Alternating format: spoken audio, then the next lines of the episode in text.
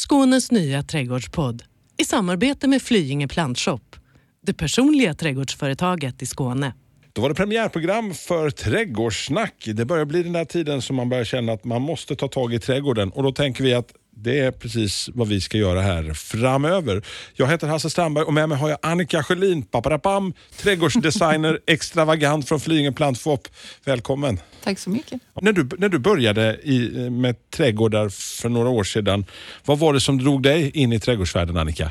Alltså det jag är fascinerad av det är ju nog mest alltså det här med att göra plantor, alltså liv överhuvudtaget. Alltså det låter kanske väldigt djupsinnigt men, men så är det faktiskt alltså fascinationen för när man puttar ner ett litet frö i jorden och sen så blir det Någonting. Ja, träd eller jordgubbe eller ja, vad som helst. Eller hur? Det är rätt fantastiskt. Trädgård 2017 känns ju som att det är så sjukt trendigt. Eller rättare sagt, vi köper massor med trädgårdsböcker, köper trädgårdstidningar, men vet inte riktigt vad vi ska göra med den där lilla trädgården. Märker du av det så att folk har tusen frågor när, du, när de kommer ut till dig i plantfoppen? Ja, ja alltså absolut tusen frågor eh, och väldigt olika typer av frågor skulle jag vilja säga. Det kan vara liksom högt och lågt. Eh, man ska försöka svara på allt. Har vi, har vi tappat kunskapen någon gång eh, under resans gång, det här med, med, att ta hand om sin trädgård? Vi skaffar ett hus, vi har en liten trädgård, men, men att eh, var vi bättre för på det tror jag? Ja, det tror jag absolut. Alltså min farfar han byggde sitt eget sommarhus. Det gjorde eh, ja, den generationen på något sätt. Jag tror vi har tappat väldigt mycket sån hantverk, yrkeshantverkarkunskap. Eh, och det gäller trädgård också. Det är ju ingenting som man inte kan hämta in om man bara försöker och provar olika saker och är nyfiken och så. Så att, eh, jag tror att många lär sig jättemycket under resans gång. Men när man börjar som mm, kanske 25, 30-åring idag så eh, har man kanske inga, ingen mamma, pappa eller så som har den här kunskapen eh, kring trädgård. Och då är det tur, tur, att du finns Annika så man kan komma och fråga. ja, kör sagt. ja, eh, men, så vi ska försöka alltså, under den här resans gång i Trädgårdssnack att eh, förkovra oss lite grann, fortbilda lite grann och mm. du som lyssnar kan ju såklart ställa frågor via vår eh, eminenta Facebook-sida där eh, vi kommer att eh, försöka besvara en del frågor. En del frågor besvarar vi här i programmet, men någonstans måste vi börja.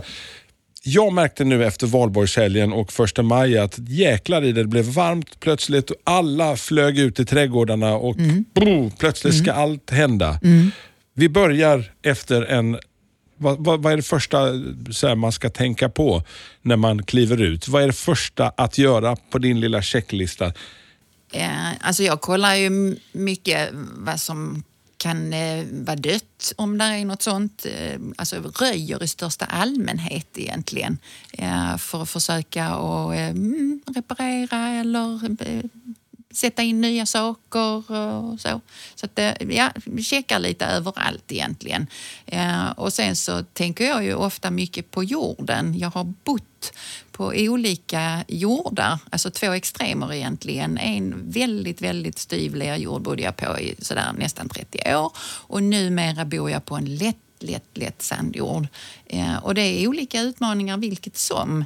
Eh, men den försöker jag börja jobba med så tidigt jag kan på säsongen.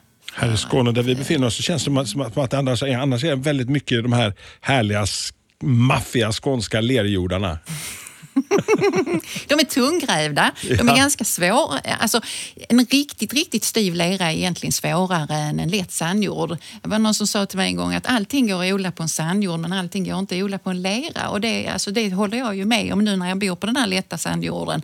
Att det, man kan tillföra saker till en sandjord och få den perfekt. Men det är mycket svårare att ta bort någonting ur en lerjord för att få den perfekt. Men man jobbar jobbar ganska snarlikt med dem eh, oavsett vilken. Jag märker framförallt att jag upptäcker nya muskelgrupper. Jag var ute här och grävde här, här om veckan. Och farbror fick gå in och sätta sig och vila sig lite grann och hänga på spaden. Det finns bra stretchingövningar för det också. eh, men ett sånt, alltså det låter ju kanske jättefånigt, men ett bra sätt att inte förta sig det är ju att inte eh, ta största spaden och ta maximal last på den. Om du nu ska gräva och det är första gången för säsongen så ta pyttelite på spaden och så många gånger istället. Ta det lite längre tid, man får mindre ont, jag lovar. Men du måste ju ha fantastiska välutvecklade muskelgrupper just för de här grävarbetena. Ja, det har jag nog. Alltså 60 plus och jag tycker nog fortfarande att jag är rätt så...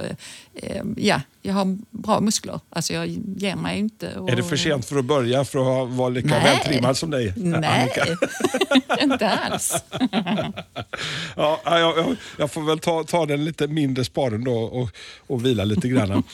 Men du, alltså, någonting jag tänker på så här precis efter, det är att checka upp vad som är dött och vad som överlevt mm. vintern. Mm. Så är det det här med att man har ju faktiskt lite luk som ligger i rabatten och täcker och skyddar kanske ett litet skyddande lager med de där löven mm. som ligger kvar. Mm. När är det dags att rafsa bort dem? För att menar, det kommer ju köldknäppar. Vi har haft mm. en magisk april där det mm. blev riktigt skitkallt rent ut sagt.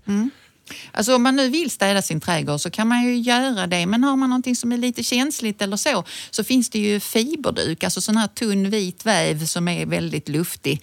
Eh, och det kan man ju använda och täcka Eh, ganska många saker eh, med. Så är det någonting som du vet är känsligt och som har börjat växa kanske där under eh, dina löv för att det har blivit lite varmt. Det beror på hur mycket löv du har lagt.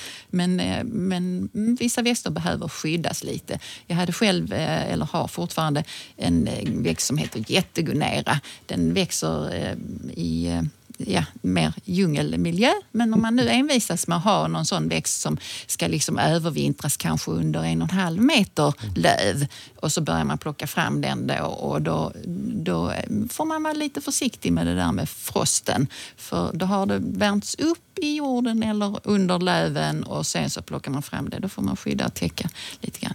Och det trixet använder man ju med mycket. Vi kommer nog att prata om det faktiskt i något kommande det här med när man förodlar växter och sånt lite. Äta din trädgård. Vi ska faktiskt också äta precis i trädgården eh, här framöver. Vi kommer ju ha lite olika teman från program till program.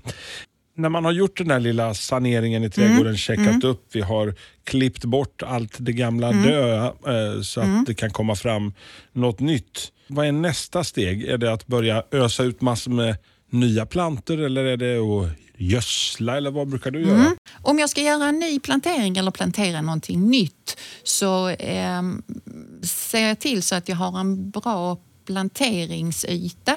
Eh, och en bra planteringsyta för mig det är ju är man så lyckligt lottad som man bor på den perfekta jorden så behöver man kanske bara tillföra lite planteringsjord när man ska plantera någonting nytt. Men om man inte bor på den här perfekta jorden eller det är riktigt eh, trist så eh, är det ju jordförbättringen.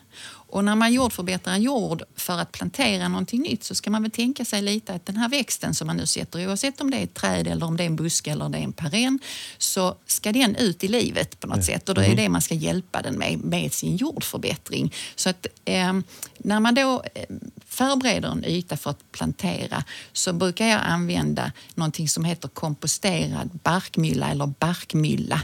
Eh, och Eh, komposterad kogödsel.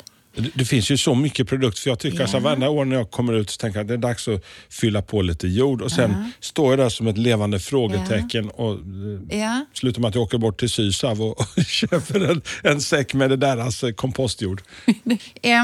Man kan ha olika tankar kring det här med jord, men en bra jord eller att få till en bra jord, då, då kanske man ska tillföra rätt saker. Rätt saker menar jag är ofta eh, alltså någonting som ökar eh, den fuktighetshållande faktorn i jorden som ökar mikrolivet, som ökar dräneringen och som dessutom tillför näring. Och det finns ju inte alltid i de allra, allra billigaste jordarna. Nej. Det kan det vara så att du plågar din rygg genom att bära hem en säck som kostar lite men som ger också väldigt lite med tanke på vad du vill åstadkomma.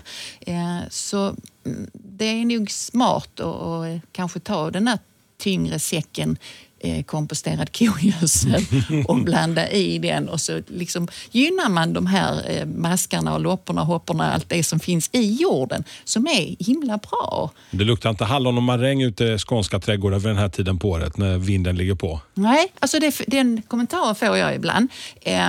Och då såg du att det, liksom, det rynkade till här i pannan bara helt kort. Eh, då, då tänker jag så här att ja, om man köper komposterad kogödsel så luktar det eh, en dag eller två inte jättegott. Men alltså det gör ju så mycket gott så får det väl vara värt det. Sopor man har under diskbänken luktar Ja, inte heller gott. Eh, Nej, precis. Nej. När man Så att sätt in det i ett sammanhang så blir det, det gör gott och då, då står jag nog väldigt mycket ut med den doften. Men eh, den finns att köpa på Pusse, Ja, såklart. ja. Den lilla kogödseln. Ja, och fördel, alltså jag får frågan ibland eh, från eh, ja, hästfolk eller lantbrukare och så. Oh, ja, men jag har. Och, och, alltså självklart kan man använda det. Det som inte finns i påsen det är ju eh, rotogräs och fröogräs. Alltså den jorden är ju alltså uppvärmd så att eh, man slipper ju det. Ett trix när man sår till exempel det är ju att använda helt ytligt då en eh, en ny jord från Pusse överst och så hinner kanske det man har sått upp före och sådär. Så man, mm. Men fyll, fyll, brukar, brukar du fylla på alltså generellt, även om det inte är nyplantering, eh, att fylla på med lite ny jord Ja. uppe på Ja. i alla dina rabatter? Inte i alla, men eh, i ganska många. Framförallt eh, eftersom jag nu bor på en sandjord som, liksom där näringen som jag tillför rinner också igenom ganska raskt så, tillför jag ju gärna alltså näring i eh, kogödsel eller gödselform där också för att jag vinner mycket när det gäller fuktighet. Men man kan använda annan gödsel också om man nu eh, kanske har en yta som man inte kan höja. Alltså där är liksom ingen, man har kanske en en gång utanför som gör att nej, men jag kan ju inte ha någon kogödsel som ramlar ut över kanten där. Alltså då finns det ju pelletrerad gödsel och det finns ju eh, kornad gödsel och så som man kan använda. Jag, jag tänker också att rabatten är ju en sak, men det finns ju inget trista när man kliver ut där i den här, samtidigt som det är jättespännande att se vad som ska komma upp och det ska, man ska se förändringarna. Den, den trista gräsmattan, vet vi kommer att prata om gräsmattor framöver, men, men min är den här, liksom, dels har ungarna kanske varit ute och lekt och klafsat omkring, eh, gjort små bromsspår i gräsmattan. Hur eh, ska jag göra och vad ska jag tänka på i början? Är det gödsel? En, nej, inte ösa på. Man, alltså om man vill ha en, en fin gräsmatta så är det ju ett ganska så, alltså, skötselkrävande kan man säga. En skötselkrävande del i trädgården. Men eh, rent allmänt så ska man väl innan man klafsar runt, eller barnen skulle kanske inte ha klafsat runt där men nu har, man, har de ju sin yta. Eh, så när gräsmattan har torkat upp eh, alltså ytlagret och så, att man försöker fixa till den. Man kan eh, hälla på eh, olika saker för att ta bort till exempel mossa och olika saker för att ta bort ogräs och så. Men om man inte vill använda det så är det väl snarare att försöka få gräsmattan till att torka upp och, och sen så reparera lite där det inte är så bra. Alltså man kan mulcha. Eh, Jag vet inte hur skånskt det lät men, men eh, det gör man i alla fall. Vad sa du? Alltså, ja, vad skulle du sagt? Mulcha? Mulcha? Mulcha? Mulla upp. mm. Ja, mulla upp. Nej, bara ett litet mullelager då eh, kan man få till. Eh, det finns eh, också påsar med sånt. Eh, det är ganska finfördelat och så kan man liksom strössla ut det på gräsmattan i ett väldigt tunt lager. Och skulle man behöva att det är ytor som där inte är något gräs på eller så, så kan man ju stödsa. Det finns små påsar man kan köpa bara liksom. Toppdress brukar jag säga. Ja, toppdress. Ja. Men det är ju samma, alltså det är Ja, det jag ja, menar ja. när jag säger mulcha. Ja, ja. Mm. Och mulcha kan man ju göra överallt. Alltså det gör man kanske i sina buskage och så också. Då kan man ju kräma på med lite mer komposterad kogödsel igen Ja. som mulching. Man, man toppar upp det där Ja, lite grann. ja. Men, men så fint, så att där har vi liksom koll på lilla, lilla gräsmattan. Mm. Moss, eh, vertikalskärare och mossrivare och allt det här. Liksom. Kommer det in fram i denna tiden på säsongen? Ja, alltså mossrivning tror jag inte att det är någon som gör så mycket längre. Eh, Det för- bara jag som lärde mig det en gång i tiden. Ja, det var väl så att man rev runt och sen så istället så gjorde man små, ja, nästan som sticklingar och så släpade man sin mossa över hela gräsmattan så att där man inte hade mossa så fick man eh, mossa. För Ah. då liksom strösslar man ut det där finfördelat och så. så det Jag var har inte det. hängt med känner jag.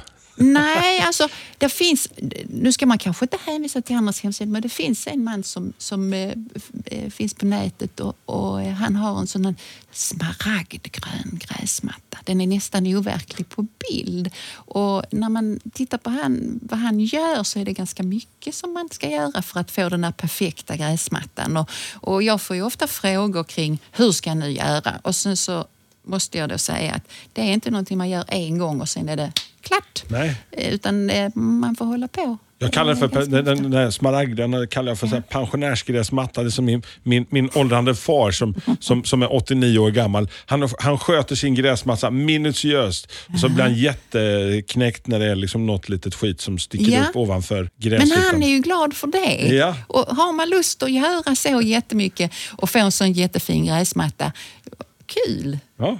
Jag, jag, önskar att ingen får se min gräsmatta och sätter mig i någon slags jämförelse med någon annans gräsmatta någonsin. Nej. Och det är någonting vi kan fundera på sen också när vi kommer just till lilla gräsavsnittet eller att mm. vi kanske berör mm. gräsmattan. Mm. Men har ni frågor kring just de här sakerna vi pratar om så än en gång så säger vi att gå in på vår Facebook-sida och eh, ställ frågor. Det finns inga dumma frågor. Ni hör jag, jag tar på mig dumstruten direkt här och Annika ler och skakar på huvudet här. Hur ska detta gå? Kommer säkert gå ja, vi, har, vi har haft den lilla frostknäppen, men vi, vi, är ju snart förhoppningsvis den tiden Annika, när vi passerat förbi eh, de här rejäla aprilköldknäpparna. Uh -huh.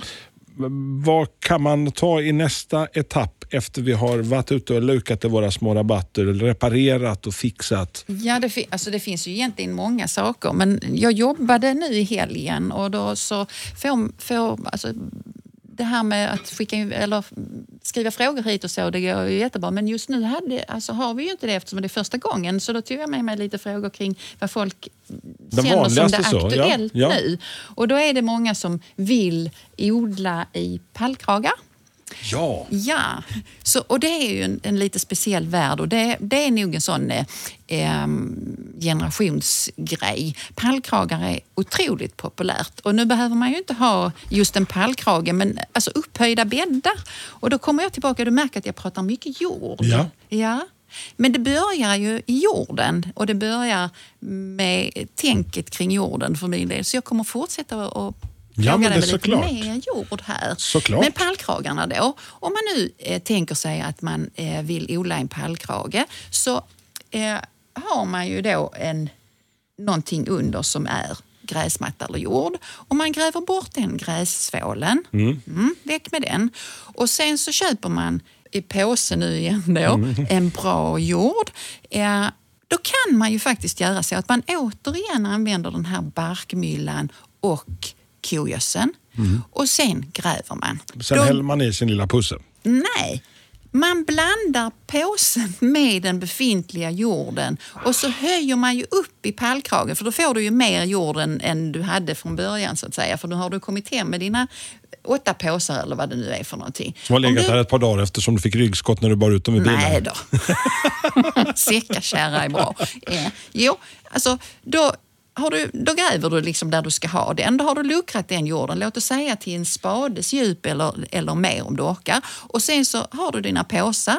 Då gräver du runt hela härligheten så att du blandar den gamla jorden med den nya jorden.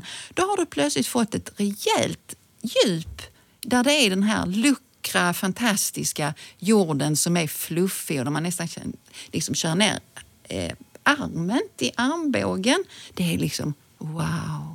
Så är det. det ska ligga på dunmål lite grann. Ja, ja det är det. Alltså det för då, då har man en struktur i den här jorden som gör att alla kommer att trivas där. Då kan man eh, odla de här långa morötterna istället för att ha ett väldigt tunt jordlager ja. där man kanske bara kan odla de här karottmorötterna som är runda som eh, golfbollar. Där, ja. Precis den varianten. För att man har ett sånt kast jorddjup. Gräver man neråt så blir det dessutom användbart för att då kan du ju sätta en bärbuske där om du skulle vilja. För då har du bearbetat jorden neråt på ett, på ett rejält djup och tillfört ny jord samtidigt. Så att grävandet och sen är det en fördel till med det här då, att om man lägger bara ny jord överst då i den här pallkragen så är ju den nya jorden väldigt fluffig och det sa jag ju att det var bra.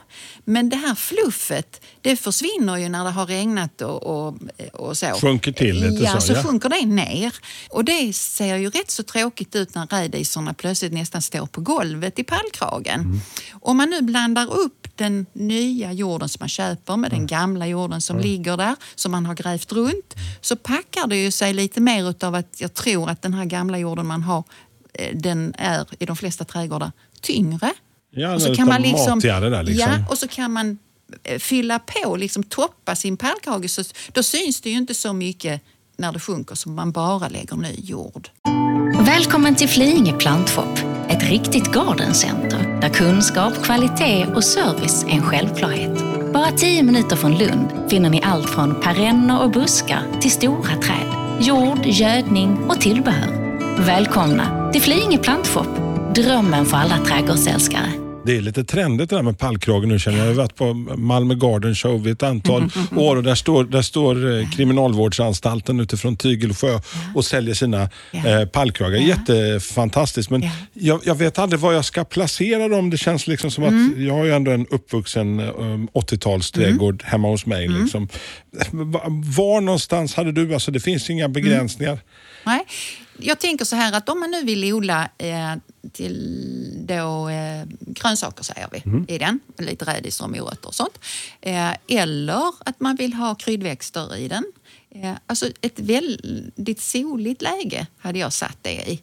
Alltså det soligaste läget. Men jag hade nog inte satt det utanför... Eh, alltså när jag tittar ut här genom era jättestora fönster så ser jag inte så mycket trädgård. Men tänk alltså, var man ser den här pallkragen ifrån. Jag hade nog inte satt det utanför vardagsrummet om jag hade en möjlighet att välja någonting annat. För en sån pallkrage när den är tom på vintern så ser det ju rätt så tråkigt ut. Så när man försöker placera sin alltså köksträdgård eller sina pallkragar, eh, vad man nu än ska ha i dem, så tänk att eh, de är inte så snygga på eh, de fyra, fem månaderna där det inte är någonting. För då är det ju liksom bara jord.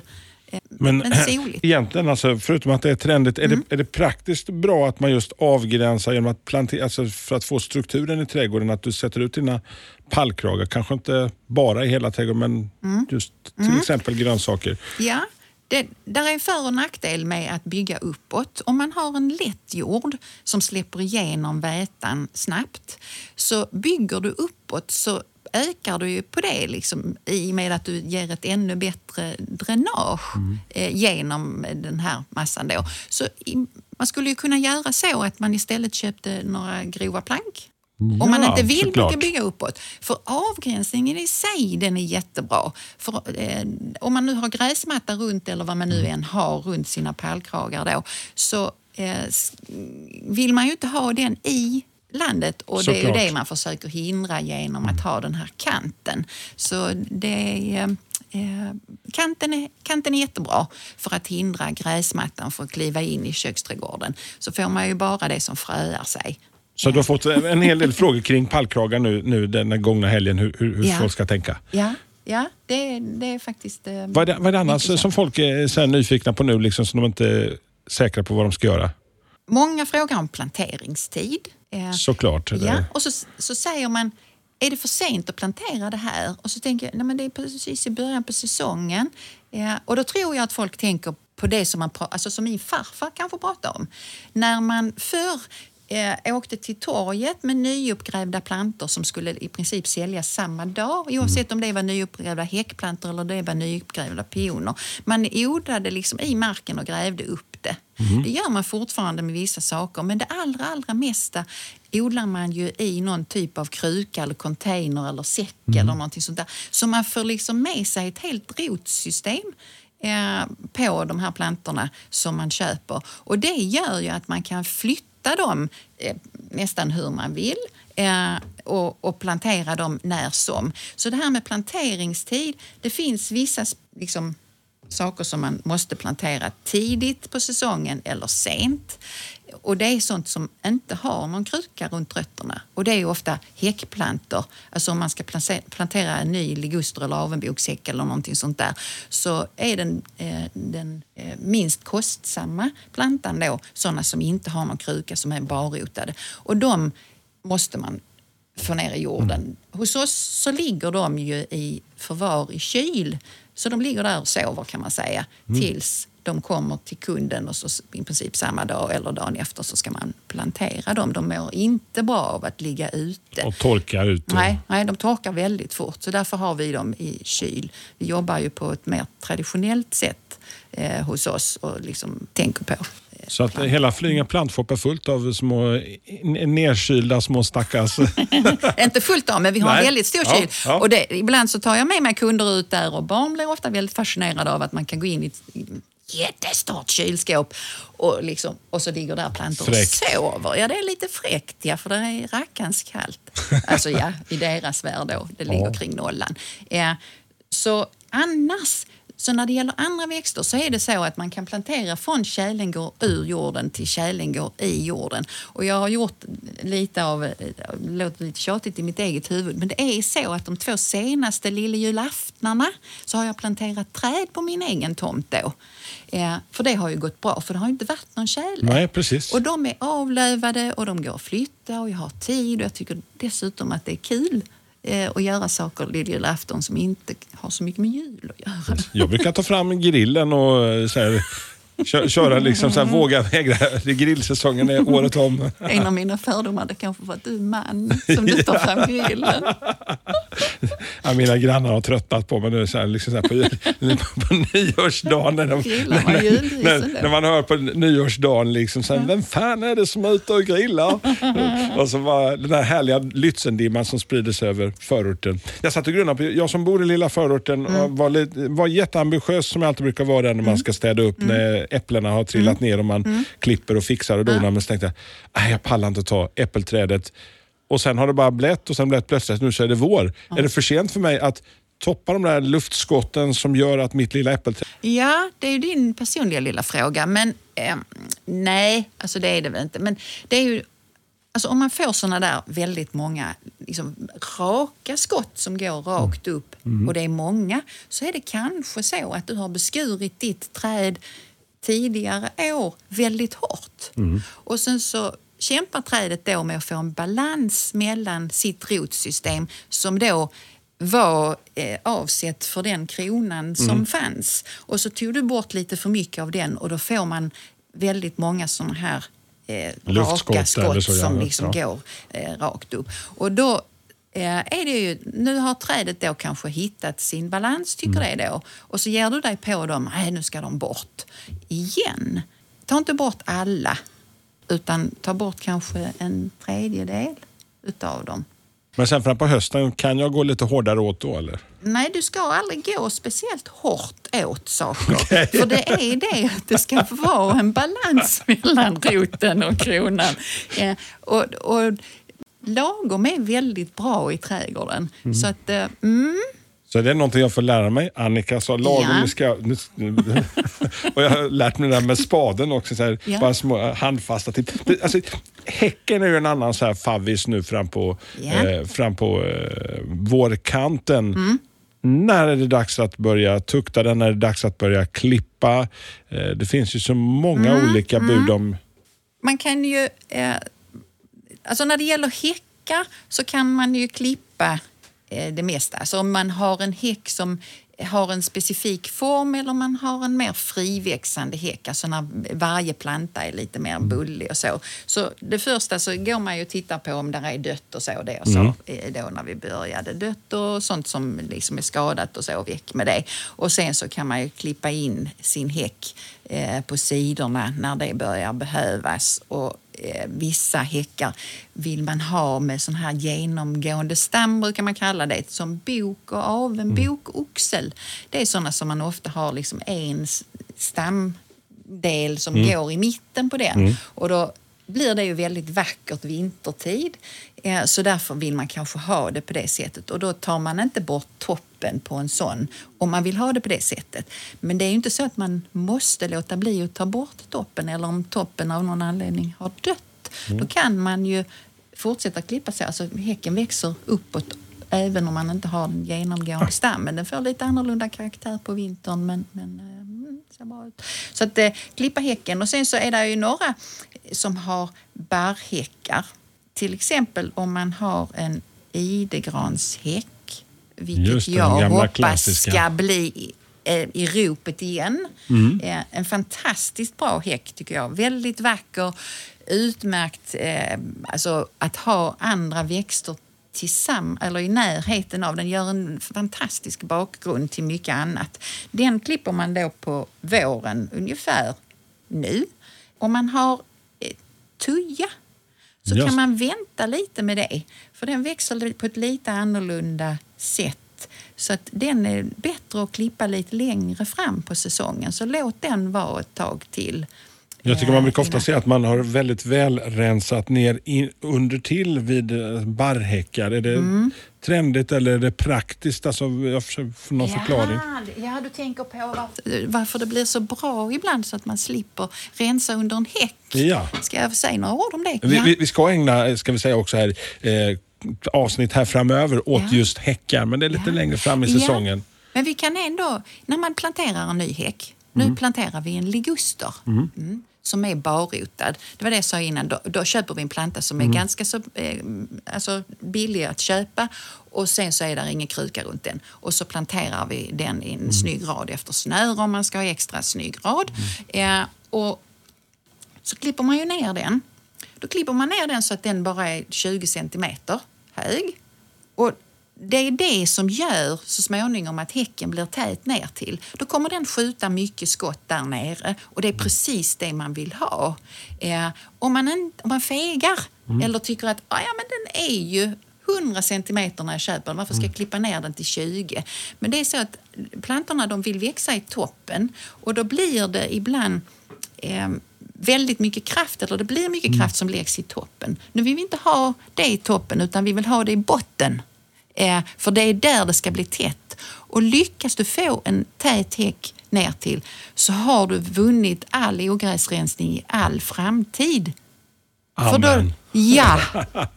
Men däremot om du fegklipper, eh, inte klipper ner den så mycket och så växer den mycket i toppen och så, så får man ju brottas med ogräs ner till i en gles häck. Roligare kan man ha en trädgård. ja, definitivt. Så att du, du, du har med andra ord inte så mycket ogräs i din trädgård. Alltså hade du sett min ligusterhäck där jag bodde tidigare, den var som en dröm. Den låg liksom direkt på gräsmattan kan man säga. När det hade gått fyra år, jag hade fått den väldigt tät ner till och så 70-80 centimeter i basen och så konformat uppåt, alltså den är smalare i toppen. Ja, jag rensade. Alltså jag gick med gräsmattan och skuffade till den lite och klippte in till och så. Jättebra gjorde jag det. Ja, men då har vi, har vi lite kläm på, på häcken så man kan ju göra, göra ett litet jobb där. Men det är ett, ett pågående jobb känns det som under hela sommaren. Liksom. Det ska klippas där någon gång innan midsommar och alla håller på och skär. Vi, vi Nu ska stannar- du inte låta som att det är besvärligt, för det är jätteroligt. Förlåt Annika. Ja, men jag bara ser min, min lilla ankdamm som flyttade in i förorten med en trädgård som plötsligt... Det var, det var jätteroligt när den var serverad men nu får jag jobba med den själv. Ja, och så får man ju, alltså man, det är hela tiden något att pyssla med i, i en trädgård.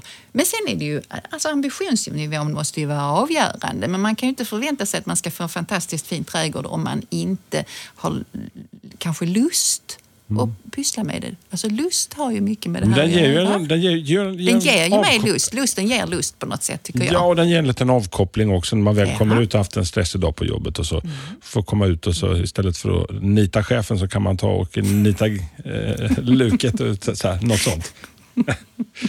så kan man ju också tänka. Så kan man också tänka, ja. Ja. Ja, men, eh, en, en annan sak som eh, är, det är ju alla de här små, eh, små lökväxterna som börjar poppa upp ur Ja. gräsmattan där hemma. Ska vi säga någonting om, om kombinationerna med eh, både vårlökar och eh, fina kombinationer man kan ha ute i trädgården? Det, f- eh, jag tänker ofta på det att det här med vårlökar. Nu ser alla de vårlökarna eh, som kommer, men de planteras på hösten. Okej. Så att det är ju där man... eh, åh, och så ska man komma ihåg hur fint det var nu eh, och så köpa de lökarna och få ner dem i marken. Och någonting som jag tycker är väldigt vackert eh, tillsammans med vårlökar det är en buske som heter kornell, alltså rysk kornell och korallkornell och så. Det är en, en buske som har färggranna grenar, ofta i rött, ibland i gult tillsammans med lökarna då. För då är det på det viset att om man nu sätter mycket tidiga vårlökar tillsammans med de här buskarna då. Nu ska vi komma ihåg att plantera dem busken och sen då till hösten ska man plantera lökarna. Så eh, blir det fantastiskt vackert eh, följande vår. Och sen när lökarna ser tråkiga ut, när de börjar bli så lite vissna i bladen och sånt, då är busken redan på väg att slå ut. Och flera av de här kornellerna de växer ganska brett, som en kupol kan man säga. Och det gör ju att då döljer man ju det som sen är lite fult Ah, att titta på. det är Eh, ju Så slipper man smart se ju. det. Plus att man förhöjer effekten av lökarna i och med att det sticker upp lite av det här röda tillsammans Såklart. med lökarna. Jättefint. Eh, eh, Har, har ni några korneller ute på Flyinge plantvåp? Ja, där är, finns ju många olika sorter. Om man ska ha en sån som eh, inte blir sådär jättehög så finns det en som heter Ivory Harlow eller Halo, hur man nu uttalar det. Skulle vi kunna tänka oss, eh, Annika, att vi, att eh, vi tar några, när, när du kommer tillbaks på jobb, att du får någon att fota upp några av de här. Ja. Så kan vi lägga ut alltså till veckans Ja. program eh, någon liten bild så att folk vet så, vad det är de ska leta efter. det får vi fixa. Eh, så man kan se vad det är jag pratar om. Som ni märker så kan vi ju prata både på in och utandning, jag och Annika. Och vi kommer att göra det fortsätta. Nu ska vi andas lite grann, djupandas och sen är vi tillbaka med ett nytt avsnitt av Trädgårdssnack nästa vecka. Och gå gärna in på vår Facebook-sida. Där finns det all möjlighet att ställa frågor, titta på lite bilder från eh, trädgårdar. Du får gärna höra av dig där. Både skicka in dina egna bilder och fråga eh, stort som smått. Och eh, Du kan också kika in på Flyinge Plantshop och Retro FMs Facebook-sida. Då ses vi om en vecka och då ska vi käka i trädgården. Ja, vi äter upp den. Skånes nya trädgårdspodd i samarbete med Flyinge Plantshop. Det personliga trädgårdsföretaget i Skåne. Veckans powerdeal hos Swedol. Jalas! Rätt sko för rätt jobb. Alla fötter är olika och alla jobb kräver olika skydd. Jalas har skyddsskorna för dig och ditt jobb. Så den här veckan, välj skyddsskor från Jalas hos Swedol. För säkerhets skull! För säkerhets skull.